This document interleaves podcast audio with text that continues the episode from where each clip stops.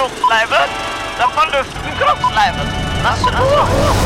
Good morning, Vietnam! You mustn't be afraid to dream a little bigger, darling. Oh, what a day! What a lovely day! Du hører på Du hører på Kino. Kino. Kino Syndromet. Frankly, my dear, I don't give a damn. Kinosyndromet. på Studentradioen På Studentradioen I i Bergen. Hjertelig velkommen til Kinosyndromet for dagens torsdag. Vi er samlet igjen, en eh, liten gjeng for å snakke og guide deg gjennom eh, det som har skjedd, og kanskje ikke skjedd eh, den siste uken på eh, kino... Eh, hva skal man kalle det? I kinoverden. Eh, og i studio i dag så er det meg, Mikkel Aksdal, og Meg, Aron. Og så pleier vi vanligvis å ha en tredjemann her. Det har vi ikke i dag pga. litt sykdom, og ikke minst pga. litt biff. Um, vi har to ganske dedikerte medlemmer i Lukas og Terje som jeg tror nærmer seg uh, til sammen en 60-70 filmer sett på biff. Det er ikke helt vi, så derfor fant vi ut at det var lurt at vi kunne samle oss i uh, studio i dag. Ikke Stemmer ikke det, Aron? Jo, eh, vi uh, har ikke vært like heftig.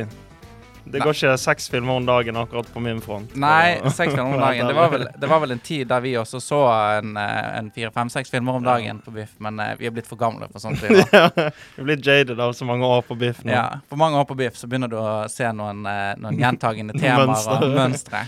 Men vi har nå likevel samlet oss i dag for å ha en liten sending for dere. Og som vanlig så tenkte vi kunne begynne å snakke litt om hva vi har sett siden sist. Hva har du sett siden sist, Aran? Ja. Uh, skal jeg ta biff, eller bare generelt? Du velger akkurat hva du vil. Det er nok bare å nevne med en gang at det er nok fare for en ekstra spesial biffsending eh, som dropper ned på en podkastplattform nær deg i nær framtid. Så vi skal liksom, vi skal ikke forgripe oss på det eh, Lukas og Terje har tenkt å snakke om der. Vi kan jo bare nevne litt kort hva vi har sett, og hva vi ikke har sett. Og Eh, Jeg har bare sett to filmer så langt. da. Det var After Sun og den nye Luca Guadagnino-filmen Bones and All. Og av de to, hvilken ville du anbefale folk å, å søke ut? Nei, begge, jeg syns begge var sånn OK. Uh, jeg likte kanskje After Sun best, hvis jeg skal være ærlig. Ja? De, um, hva er begge, begge er veldig uh, høykvalitetsfilmer, men ingen av de som ble sånn utrolig med meg i ettertid, hvis jeg kan si det sånn. Nei. nei hva, hva, er det, hva er det de handler om, disse to filmene? Ja, Aftersun tar for seg uh, en uh, far og datter. Hun er sånn 11, han er 30 eller noe sånt. Uh, som er på ferie i Tyrkia.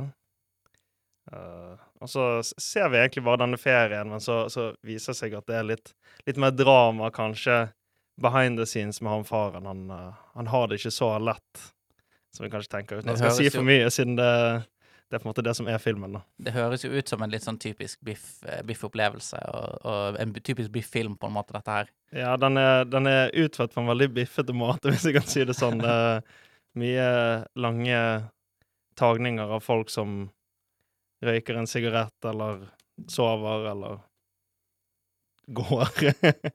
Bonesnall er vel litt mer en film som man kan se for seg for en sånn allmenn kinopremiere-type ja. I hvert fall en liten kino- kinorelease også her i Norge, på en måte.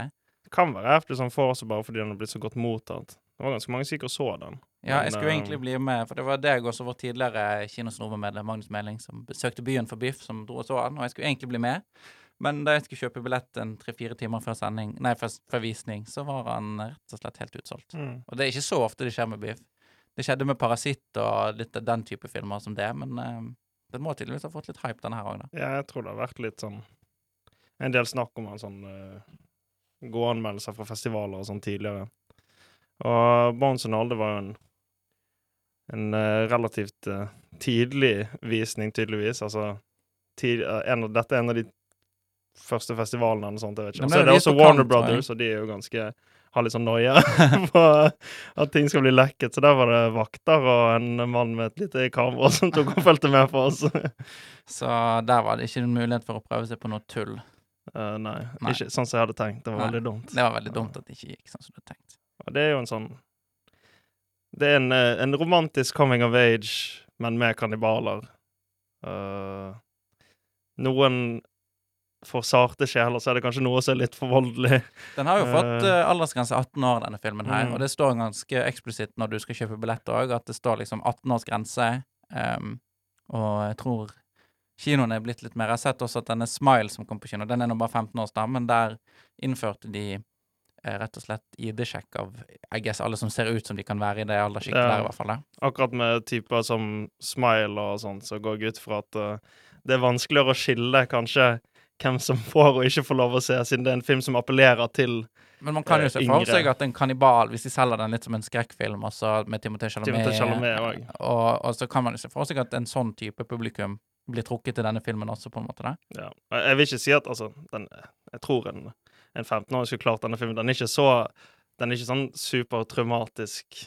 Den er litt uh, Det er litt voldelig, men til tider nesten litt sånn komisk.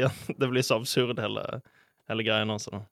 Hvis du skulle, hvis du skulle sagt liksom eh, du i kinosrommet du må se én av disse, det brenner, og du kan bare se én film, hvilken ville du anbefalt?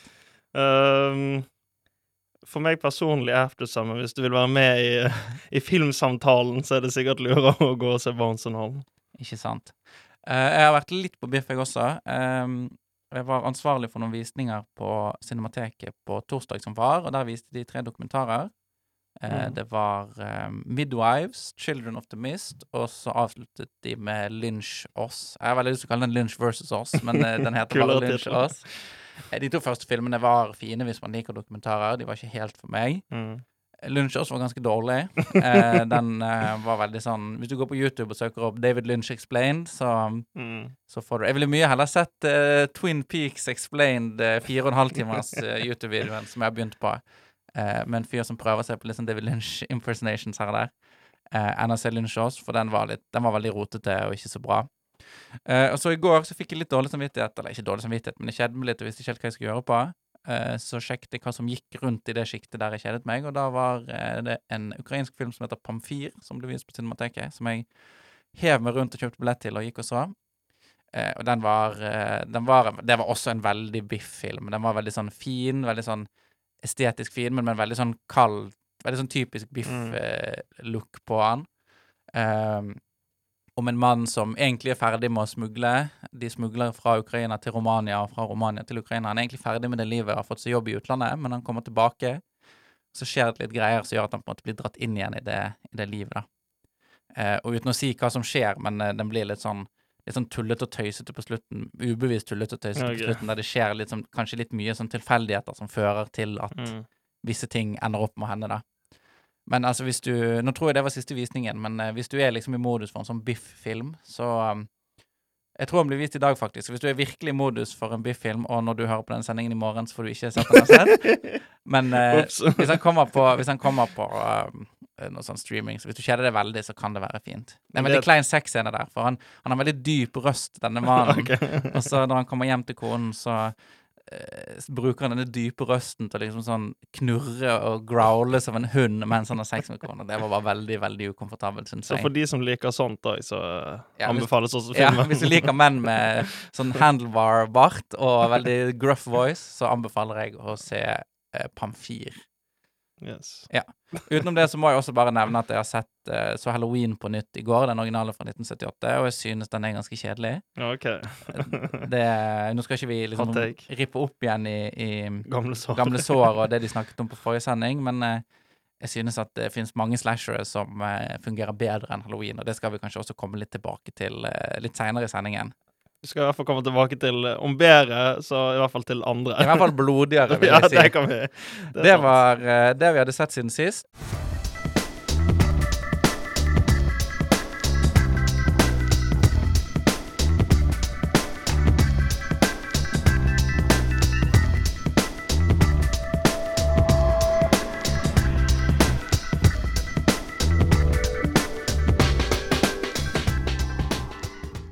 Det var eh, rett og slett I'll Do Anything av Bendik Brenne. Eh, og nå skal vi bevege oss litt videre, for vi har jo så vidt nevnt Biff, og det er jo en veldig stor sånn happening, i hvert fall for oss her i Kinosyndromet. Vi snakker mye om det, og vi gleder oss veldig. Eller har jeg i hvert fall gjort. Eh, og jeg og du, Aron, vi er jo såpass kule og stilige mennesker at vi har jo gått på biff ganske mange år nå. Ja, vi er det du kan kalle biff-veteraner. Ja, ja, det er ikke vår første biff, dette her. Eh, vi er litt sånn biff well done, synes jeg. Ja, vi er litt sånn dry ja. uh, nei, vi har vært på litt biff, og jeg merket egentlig at i år så var det ikke liksom, hva skal jeg si eh, Tiltrekningen, Nei. magien, var ikke der. Nei, den var ikke det. Den var ikke det. Så jeg eh, eh, hadde egentlig bare lyst til å snakke litt om det, og hva våre tanker om biff er, og hva våre liksom sånn Hva vi tenker om, eh, om biff, da, på en måte. Eh, fordi at eh, det, eh, det har egentlig vært nesten siden før programmet ble sluppet, men i hvert fall siden de begynte å slippe programmet, så har jeg liksom merket at eh, det er gøy å se de store filmene, og det er jo egentlig det Mm. jeg har endt opp med å gjøre i år. Nå skal jeg se ganske mye på slutten av Biff her. Um, Decision to Leave gleder jeg meg veldig til. Broker er gleder jeg meg veldig til. Eh, sånn, det er jo veldig ofte sånn Asiatiske storfilmer er jo noe av det de har ofte på Biff. Mm. Og vi har jo sett en del bra der. Men jeg bare merker at veldig mange av Biff-filmene de holder seg liksom til en sånn um, En slags stil, eller en slags sånn Man kjenner igjen en Biff-film når man ser den. Jeg vet ikke hva du Ja. tenker. Altså, det er jo um, filmer som ikke får en wide release, da, for å si det sånn. Uh, veldig mange av de, spesielt Uh, I år har kanskje vært litt unntaket. Det har vært mye litt mer større og litt mer hypete filmer i år Mm. enn det det kanskje pleier å være. Men vanligvis så får du jo filmer fra ja, en del asiatiske filmer du aldri kommer til å høre om igjen, og en del um, østeuropeiske filmer du aldri kommer til å høre om igjen, og, og det er litt den duren det går i, da. Ja, oftest. og det er jo på en måte det jeg liker med Biff òg, det å se liksom eh, sånn virkelig sånn få bli overrasket over en film som du aldri har hørt om. Du kommer aldri til å se den igjen. Du er sikkert de og de, Du og de du så den med i salen, er liksom de eneste i Norge som noen gang kommer til å se denne filmen. Eh, og det syns jeg er, er spennende og gøy, men jeg liker best Jeg har merket at jeg liker best disse Biff-filmene som er liksom fra Asia eller fra Øst-Europa. Det er det jeg synes er mest spennende.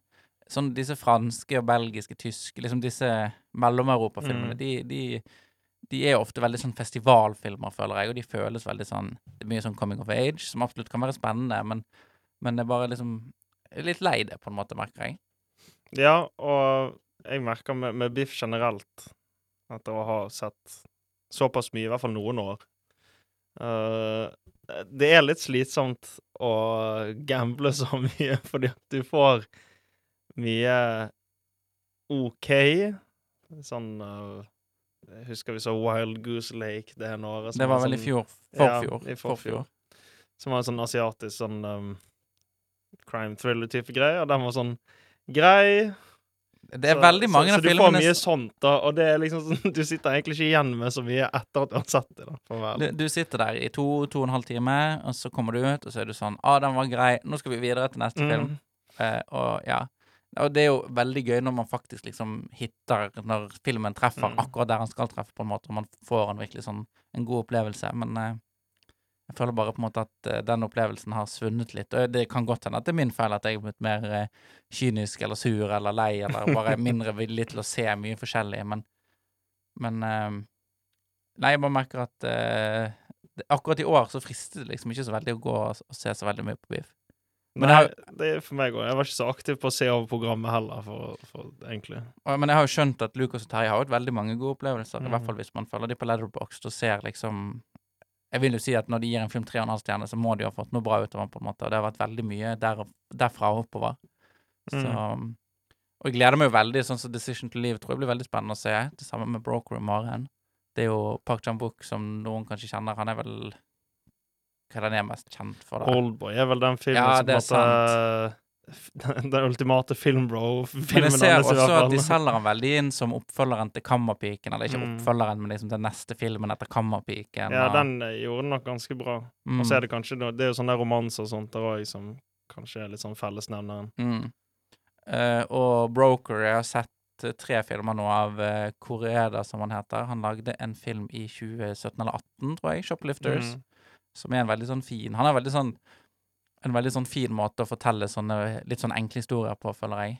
Ja. Der det på en måte egentlig er en ganske trist historie, men han har på en måte veldig mye sånn Han legger mye liksom sånn eh, Shoplift så er det i hvert fall en del humor. Det er mye humor og liksom sånn eh, Den andre filmen så Afterlife handler rett og slett om liksom Mennesker blir sendt til et slags sånn purgatory, sted mellom levende og døde. Eller de er Mm. vel egentlig døde, men før de blir sendt videre, så får de lov å oppleve ett minne igjen, og de må liksom kunne ko- De må komme på dette minnet, og så er det noen sånn slags engler, eller jeg vet ikke hva de er for noen hjelpere, som hjelper dem å gjenskape dette minnet. Og Den filmen kan jeg også anbefale varmt, eh, for der er det mye sånn De bruker mye tid på å vise hvordan de gjenskaper dette, sånn praktisk. De bygger et slags sett.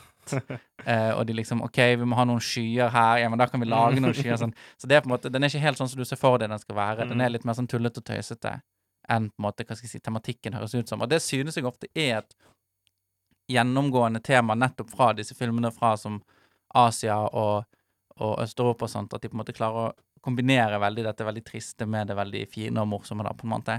Ja, jeg er enig i det. Du får de der uh, stille øyeblikkene som uh, Iallfall en del østeuropeisk Så får du en del stille, treige øyeblikk, men um, de har enten et eller annet veldig fint eller morsomt til seg, samtidig som de også, sett fra utsiden, eh, virker eh, helt jævlig også.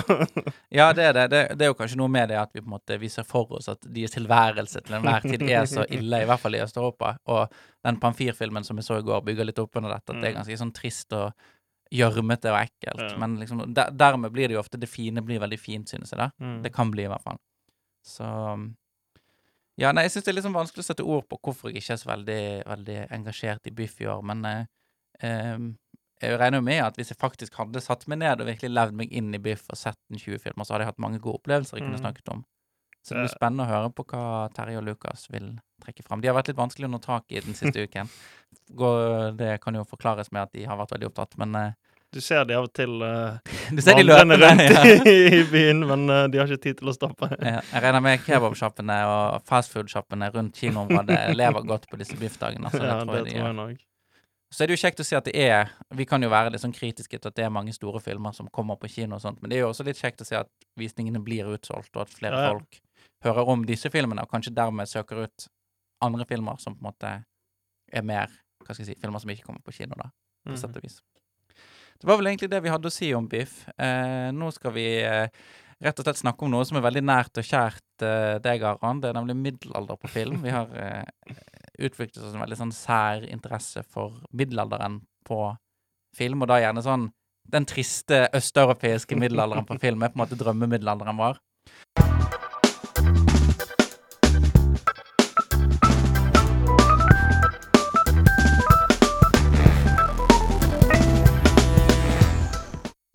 Og med det så har vi rett og slett gleden av å kunne ønske velkommen tilbake til Kinosyndromet her på Studentradioen i Bergen. Eh, og vi teaset jo litt i sted hva vi skal snakke om, Aron, og dette er vel kanskje et innslag for de som er spesielt interessert i. Eh, ikke at du skal skru av om du ikke er spesielt interessert, men er du spesielt interessert, så har du funnet riktig podkast nå. For vi, eh, det er vel et eh, år og to siden, så begynte vi å mm, prøve å finne ut av filmer vi ville se. Det var en litt sånn eh, nedadgående filmperiode. Det var liksom ingenting som fristet veldig å se. Eh, helt til du plutselig kom med en Blu-ray du hadde kjøpt. Bestilte du den på nettet, eller kjøpte du den i fysisk butikk, eller hvordan var det? Nei, den uh, måtte nok bestilles. Akkurat hvor kan jeg ikke Jeg har ikke hele den historien klar, dessverre. du Men du bestilte rett og slett en film på nettet som heter Hard to be a God. Og hvis du ikke har hørt om denne filmen, så er det ikke din feil, holdt jeg på å si. Dette er rett og slett en tre timer lang Det er vel egentlig en tysk film, sånn egentlig, for. Eller jeg vet ikke om det er tysk film, men regissøren er tysk. Nei, han er russisk. Han er russisk. Der har vi det allerede. Men navnet, navnet kan lure deg. Navnet, han heter German, uh, men han er ikke tysk. Han er russisk. Og filmen er også veldig sånn østeuropeisk i, i uttrykket. Det er uh, mye rustning som klikker og klakker mens de går gjennom gjørmete og sumpete områder, og egentlig bare har det helt jævlig. Uh, det er jo egentlig en science fiction-film, dette her. Ja. For det handler om noen vitenskapsmenn som reiser tilbake i tid for å forske på en planet som er De reiser ikke tilbake i tid, men de reiser til en annen planet som er tilbake i tiden. Hva er det som aldri skjedde der? Renessansen skjedde aldri på den planeten. skjedde aldri på denne Ellers er den helt lik som jorden, da. Så de en måte lever bare i, i middelalderen For alltid.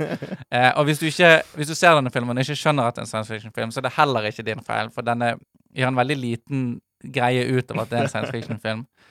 Eh, men eh, dette gjorde jo rett og slett at vi ble litt interessert i middelalderen på film, og, og sånn gjørmete og triste uttrykk på film. Det er jo noe veldig gøy og spennende med det, synes jeg. Ja, for, for min del, det er et eller annet med den um, Hva skal jeg si, er det estetikken jeg skal bruke? Jeg Ja, det blir jo det motsatte av estetikk, da, på en måte, men, men eh, altså, det, det er jo en form for Det er en estetikk Ja. som er um, veldig stygg.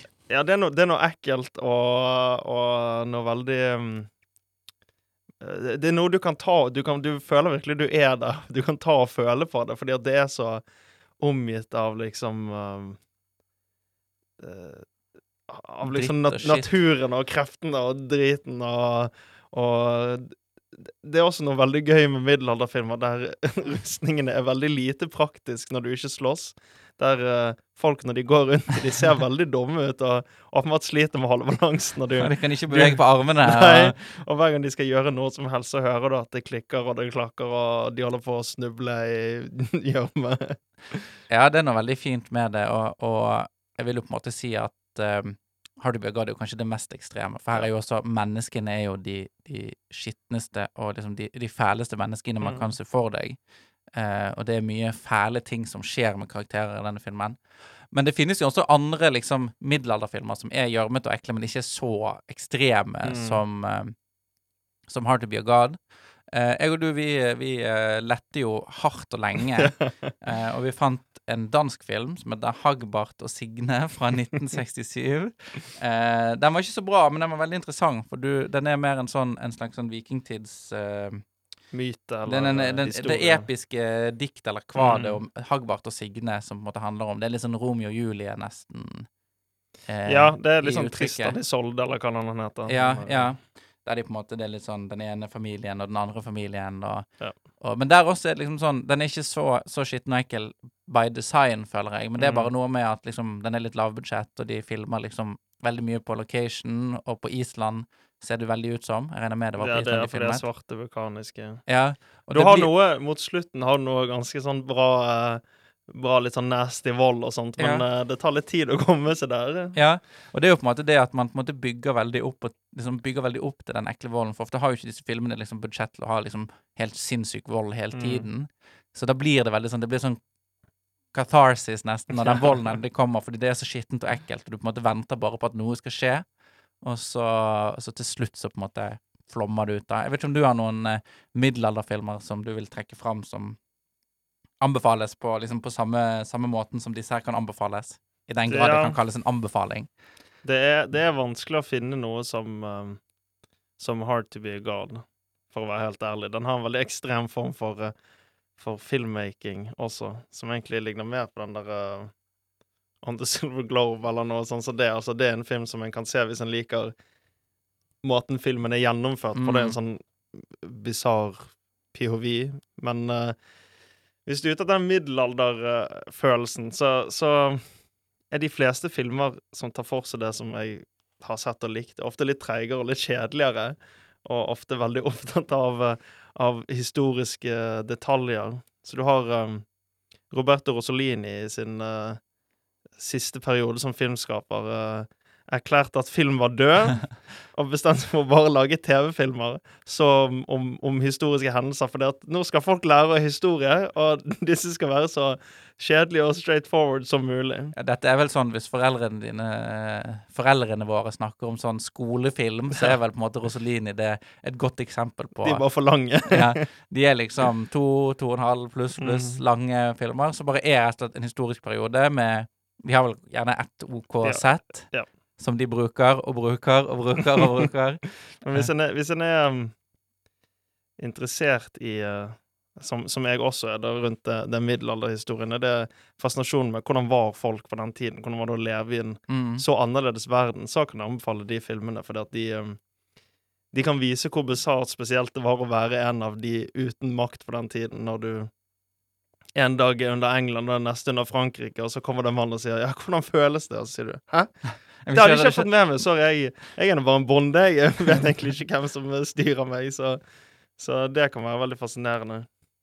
Uh, og ellers, altså det, Vi er fortsatt på den evige jakten, da, etter, uh, etter filmer til den dag i dag. Uh, vi Ja. så jo Luc Besson- Bessons det er riktig navn?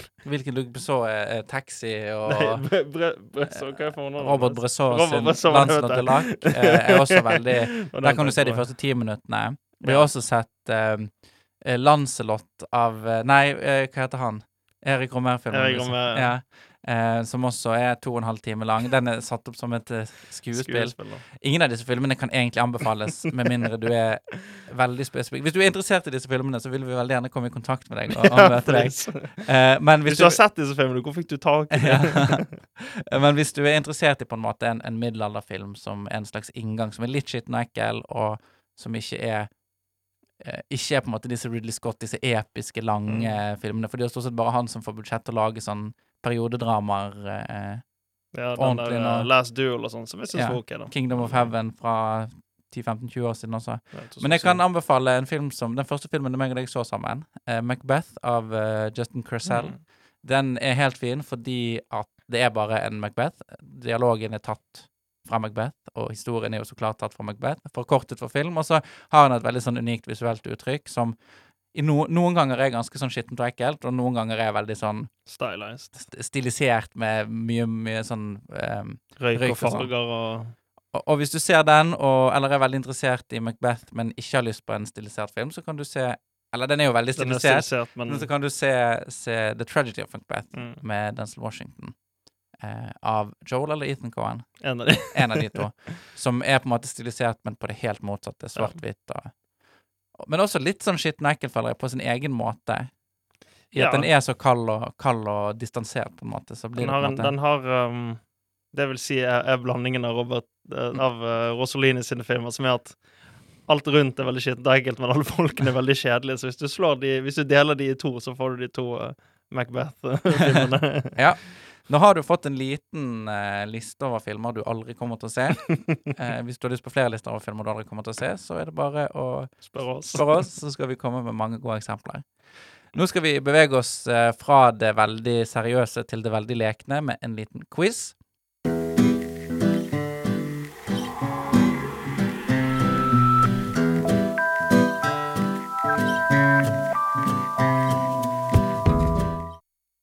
Det er tid for quiz her på Kinnesyndromet. Og hvordan skal de få til quiz med bare én deltaker, spør du deg kanskje der du sitter og hører på Kinnesyndromet. Vel, det er ganske lett. For Aron, du er jo det man kan kalle en eh, filmbro. Vil du ikke si det? Jo, dessverre. Jo. Så må jeg kanskje si det. Du elsker alt som er med filmbro-kulturen. Du elsker å snakke ned eh, filmer som ikke passer inn under filmbro-kulturen. Eh, så jeg har rett og slett lyst til å tenk, teste litt sånn nerd-credet ditt i dag, og se om du virkelig er så stor den, Can you ace the ultimate film bro-quiz er rett og slett spørsmålet jeg stiller deg. OK. Og der svarer du selvfølgelig ja, og det er riktig svar. Ja, det er ferdig, da? Eh, og vi pleier å ha en, eh, en tradisjon for straff her i Kinosyndromet også, og det tenkte jeg vi skulle ha i dag. Ehm, eh, fordi at eh, Paul Figer nettopp kommet med en ny film. Han har kommet med en film som heter The School for Good and Evil, som er litt sånn Harry Potter-aktig. Eh, fått slakt. Eh, men du elsker jo Harry Potter også, så dette er jo Ja, perfekt for deg. absolutt. Jeg har i hvert fall sett uh, tre av det, så Men, men en quiz med en garantert straff er jo også ganske kjedelig, så jeg tenkte vi skulle ha en liten spille en liten lek eh, i god eh, så eh, ånd. det Så nå skal jeg kutte halloween. beinet. Nei, eh, hvis du svarer feil på mer, eller på to spørsmål Du har lov til å ta én feil Ja. av ti. Svarer du feil på mer enn én, så taper du. Svarer du feil på ni eller ti av ti, så vinner du, og da må jeg ta straffen. Så nå får slett se. Nå eh, avhenger din filmbro-kunnskap her på den, den, den bærer tungt nå, Dette er dette, kan, dette er virkelig liv eller død. Vi kan jo også nevne at School for Good and Evil er nesten to og en halv time lang, så det kommer til å bli en tung straff. Ja. Men vi begynner rett og slett, eh, og vi begynner eh, på den mest filmbroete av filmbro-filmer, Pulp Fiction. Uh, if you know what a royal with cheese is, then you're probably a fan of this Quentin Tarantino-film. Can you name it? du sa også tittelen. Ja, det var Pulp Fiction. ja, men den, den poeng til meg. Ja, den hadde du nok tatt. It's hailed as one of the greatest films ever made. And this gangster opus from Francis Ford Coppola spawned, spawned two sequels. Can you name this classic? Gudfaren. Det er riktig. Yes! Du er så god på filmbro. uh, filmbro. Du er en filmbro. Jeg er de færreste kunne klart det. Okay. Which of these David Fincher films features soap, subversion, and eight important rules? Ja, Nei, det har ikke lov å snakke om, dessverre. Ok, og da tok du feil der. Nei, hva Ja, er nei, svaret det var Fight Club. Fight Club. Det var også helt riktig. Det var tre av tre. Du er så god. Utrolig. Robert De Niro is hoping for a real rain to wash the scum of the streets of New York in this film from 1976. Can you name this gritty drama? Det var Taxi Driver. Det er Taxi Driver. Du er 444. Fy faen. Er det lov å si? Can you name this endlessly quotable cult classic? Det, hva sa du? Can you, uh, can you name this endlessly quotable cult classic? Ja, nå, får du, nå får du ingenting mer enn det. Men du kan jo kanskje gjette deg Rocky Horror. Jeg. Nei, det var, du skal få noen alternativer hvis du vil. Og du kan jo gjette deg til hva det er, kanskje. Okay. Oh Brother Where Art Thou, Racing Arizona, Barton Fink eller The Big Lebowski. Ja, Big Lebowski. da. Ja, det var helt riktig.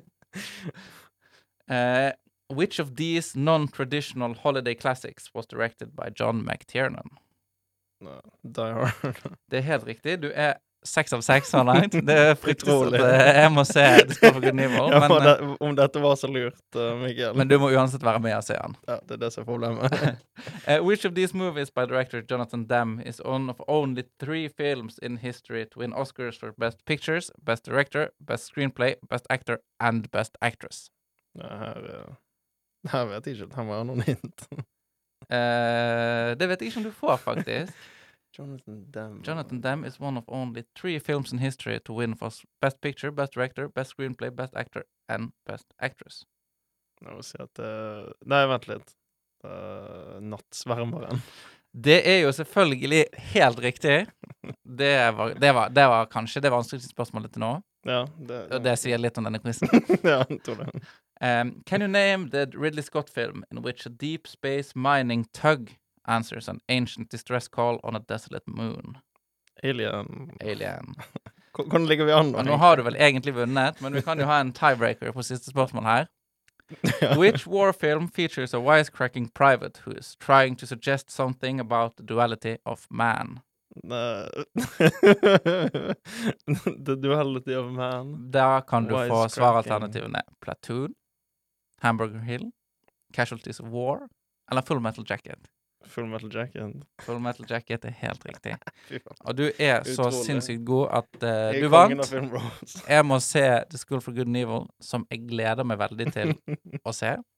Og vi kan vel uh, si at uh, det å være en filmbro, det virker ikke så veldig vanskelig hvis dette er liksom Hvis dette er nivået du må ligge på, så, så har jeg troen på at alle kan klare det. Hvis du har en drøm om å være en filmbro, så klarte du Ikke gi opp. Hvis du klarte mer enn syv av disse her, så vil det si at du er en sertifisert Ja. filmbro, altså. Så det vil jeg si. Eh, og jeg har jo et veldig nært og kjært forhold til Paul Feig etter å ha sett Ghostbusters 2016 på kino. Ja. Og jeg gleder meg veldig. Det blir ganske hype. Lawrence Fishburne er jo med i denne filmen, så det blir ganske Ja, han er. Han er stilig. Og med det så tror jeg rett og slett at vi beveger oss videre fra filmbro til en eh, liten sånn halloween-spooky eh, avslutning på episoden.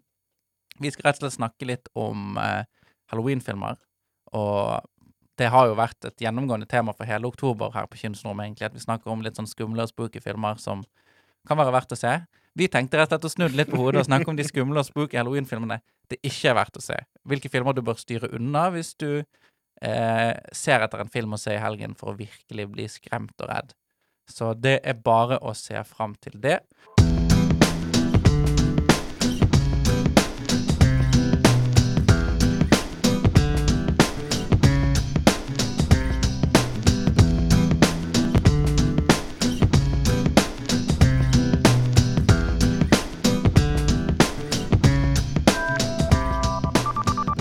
Sendingen nærmer seg slutten her på Kinosyndromet på Studentradioen i Bergen. Men eh, som sagt så er vi ikke helt ferdig med halloween ennå.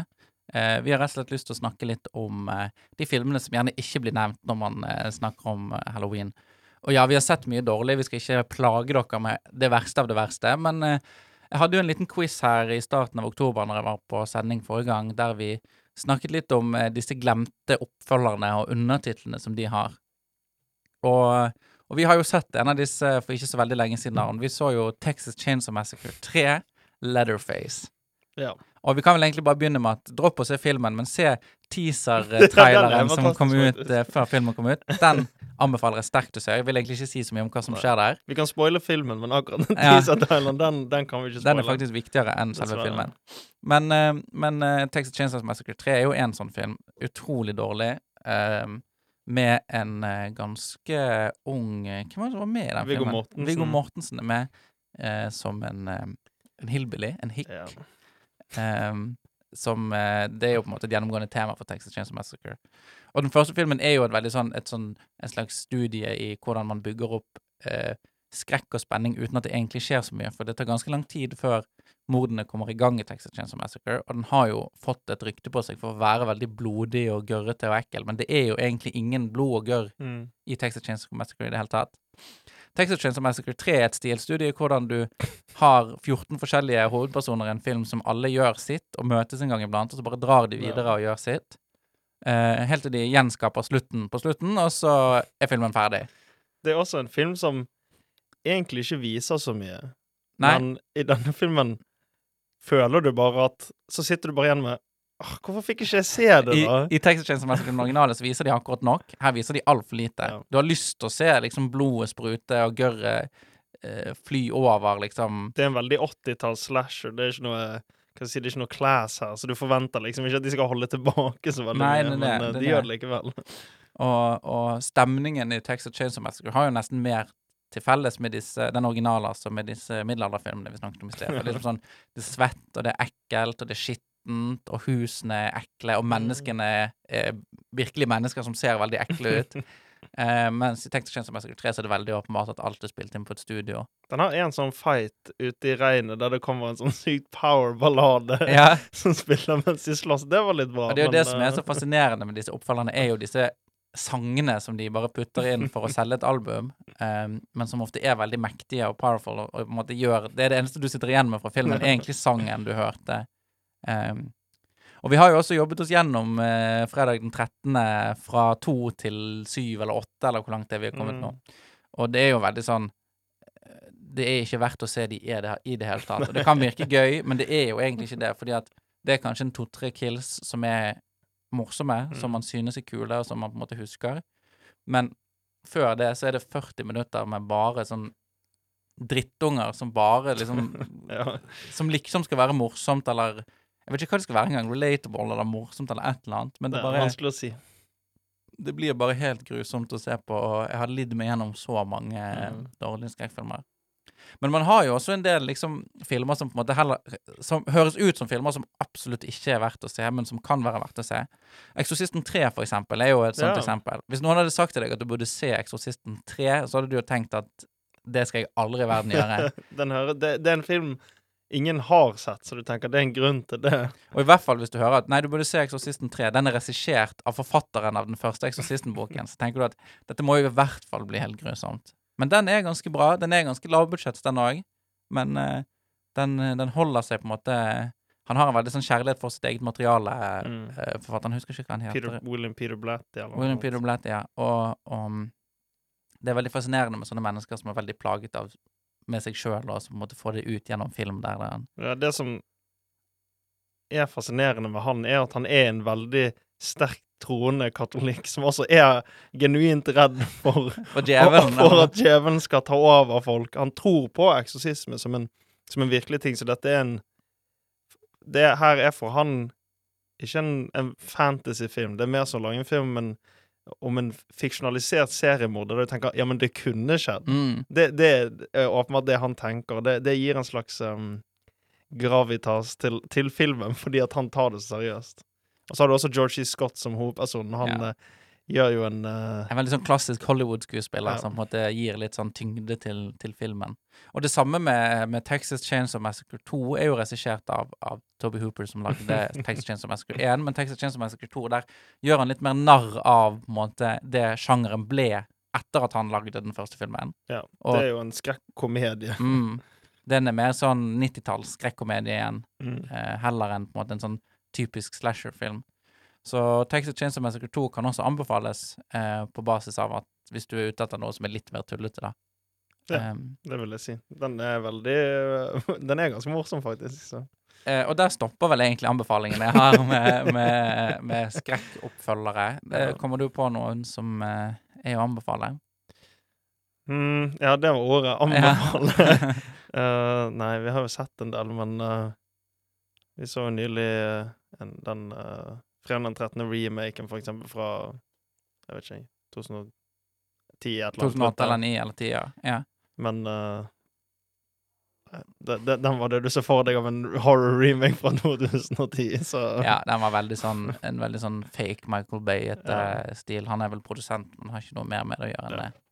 Eh, og det er jo litt sånn i denne jungelen av rettigheter og Og jeg kan jo for så vidt nevne at Halloween 3 er også en ganske OK film å sjekke Mm. ut. Eh, og den eh, snakket vel Lukas om på forrige ukes sending også, at eh, Halloween 3 den har ingenting med Jason Nei, ikke Jason, så klart. Michael Myers å Jeg, eh, eller noe som helst. Det er mer en sånn antologifilm. Men eh, den er også ganske bra.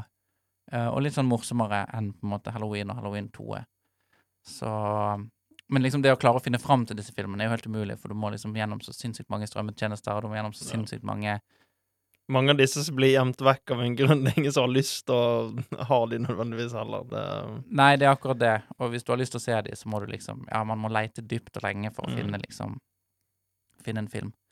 Så um, ja, altså Ha en shitty halloween eh, hadde vi tenkt å snakke om nå, og det blir jo på en måte det. Hvis du, hvis du er som oss og, og kikker liksom på eh, fredag den 13. del 4 og 5 og 6 og sånn, så, så får du egentlig ikke så veldig mye ut av det. nei, hvis du, hvis du først vil se dårlig, så Kanskje som en siste anbefaling, så, så anbefaler jeg å se dårlig. Ja. Ja, du må Eh, se, du må grave, liksom gå på, gå på Elkjøp eller hvem det er som selger DVD-er nå, så må du liksom grave nederst i DVD-tilbudet deres. For der, eh, hvis du er heldig, så finner du en sånn fempakk eh, Horror Clowns eller fempakk Psycho Killers. Og er ofte, de er ofte mer interessante, de, enn disse studiooppfølgerne, for der er det liksom eh, filmstudenter som ikke har Eller ikke filmstudenter engang. Ungdommer som ikke har peiling på hvordan lage en film, som, som stjeler og kopierer og låner og gjør liksom eh, det de kan for å lage en film som har gest de har planer om å tjene penger på. Og av og til har du kanskje litt sånn uh, språkbarrierer og ting som gjør at uh, ikke alt nødvendigvis gir helt mening heller når du, Nei, det er noe med det. Det er noe med det. De er ofte, ofte hvis de er utenlandske, så er det helt uforståelig hva det er de egentlig prøver på.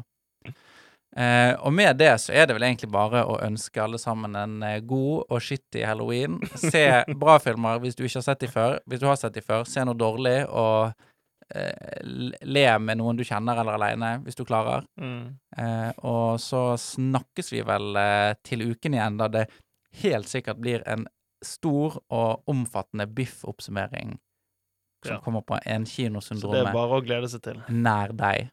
Og med det så er det vel egentlig bare å si ha det bra fra oss. Ha det! Ha det!